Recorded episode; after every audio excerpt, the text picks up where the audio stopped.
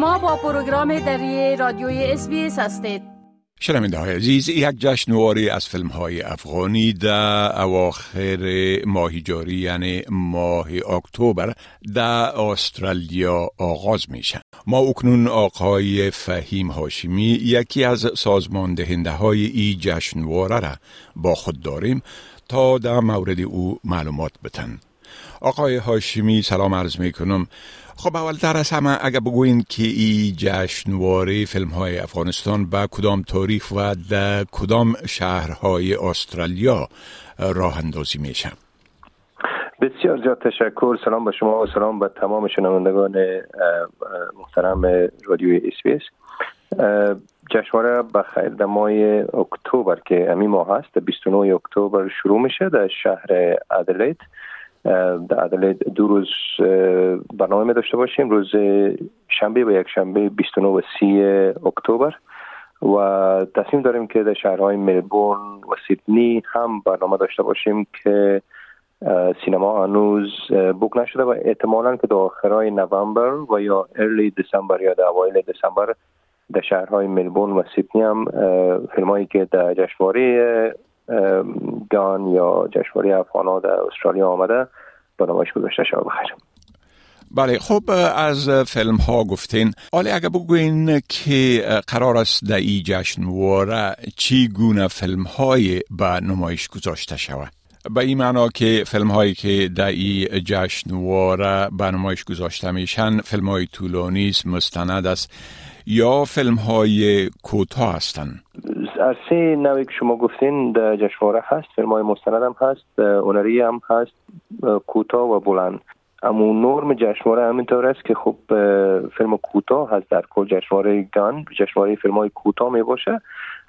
ولی در کل ما یکی یا دو فیلم بلند را هم در هر سال در جشنواره می‌گیریم و برنامهش گذاشته میشه. که امسال هم همچنان فیلم کوتاه هست و فیلم بلند هست و فیلم مستند اونری فیلم هایی هست که من فکر می‌کنم که جا داره که از تمام هموطنان تقاضا بکنم خواهش بکنم که بیان جشنواره و ببینن این فیلم ها به خاطر که فیلم هایی هست که واقعا دیگه به هیچ عنوان دیده نمیشه و دردی است و مو تنها درد نیم خوبی ها و خوشی ها و مردم ما در افغانستان هم هست که خب به نوی به تصویر کشیده شده.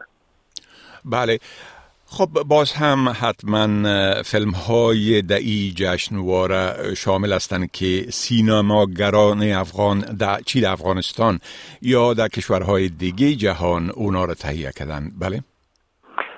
اما نرم جشنواره امو است که خب فیلم هایی که در جشنواره گان میایه باید یک فیلمساز افغانستان به عنوان کارگردان یا پروژیسر را ساخته باشه و یا ای که یکی از مردم های ما از افغانستان اینا در اوج نقش بازی کرده باشن.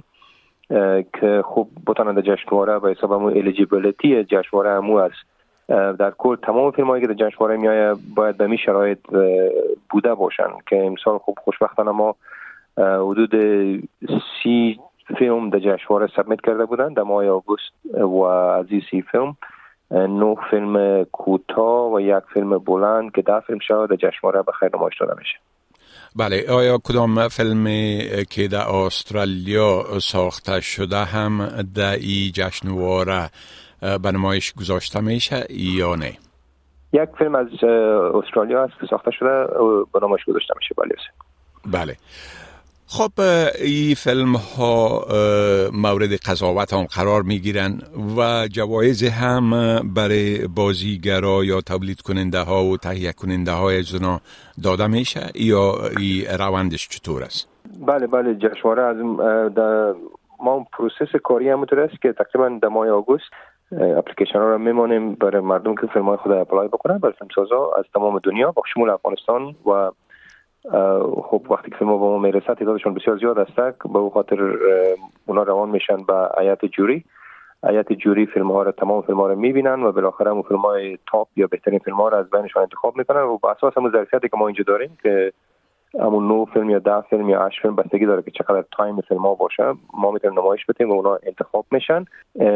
سال همچنان بخیر که جشنواره جوایزی هم خواهد داشت بهترین فیلم از نظر داورا.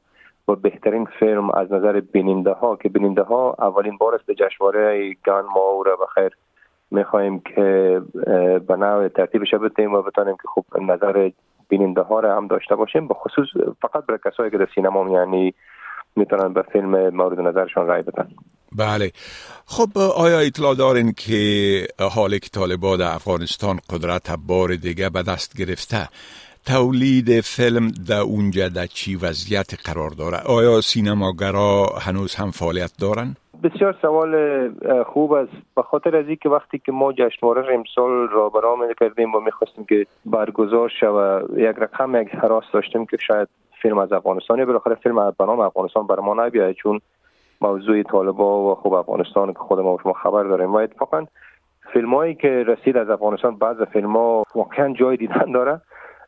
به خاطر که تمام فیلم ها بعد از یا 21 ببخشید بعد از 15 آگوست سال 21 بود که آمده و اینا به نوع شرایطی که فعلا دش سر دوچار هستن اونا رو به تصویر کشیدن که واقعا جای دید داره. مثلا یکی از فیلم ها هست که خب جورنالیست های ما در افغانستان شما می‌فهمین که شرایطشان تغییر کرد از وقت و اونا به نوع اعتراضی رفتن مثلا میوه میفروشن سر سرکا یا سبزیجات چیزا میفروشن به جای از اینکه در استودیو کار بکنن و امور به نوعی به تصویر کشیدن امو شرایطی که چه رقم طالبا به افغانستان آمدن و امو موضوعاتی که پس از طالبا به وقوع پیوسته مثلا در فیلم ده 15 دقیقه اونا به روایت کردن که من فکر می‌کنم دیدن از اونا بسیار بسیار جالب است. برای کل هموطنان ما در استرالیا که امیدوار هستم بیاین و از این جشنواره استفاده بکنن در غیر از او.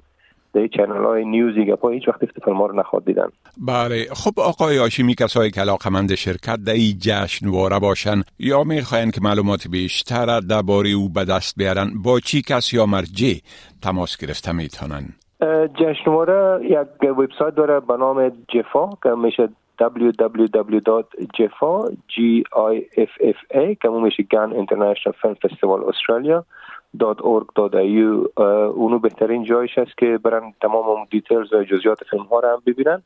و یا ای که خب info at به تماس شوند. ایمیلش مستقیم به اداره جشنواره و باز از این طریق می‌تونیم که ما باشون به تماس شویم. هر سوال هر, هر صحبتی که باشه ما در خدمت تمام هموطنان هستیم. و دوباره ما امیدوار هستیم که دوستان خود ببینیم هموطنان خود در سینما ببینیم. خیر هم در ادلید هم در ملبورن و هم در سیدنی. خب با آقای فهیم هاشمی از شما به خاطر این معلوماتتان ممنون هستم و برایتان موفقیت می خواهیم یک جان سپاس از شما. تشکر بسیار جان. بپسندید شریک سازید و نظر دهید.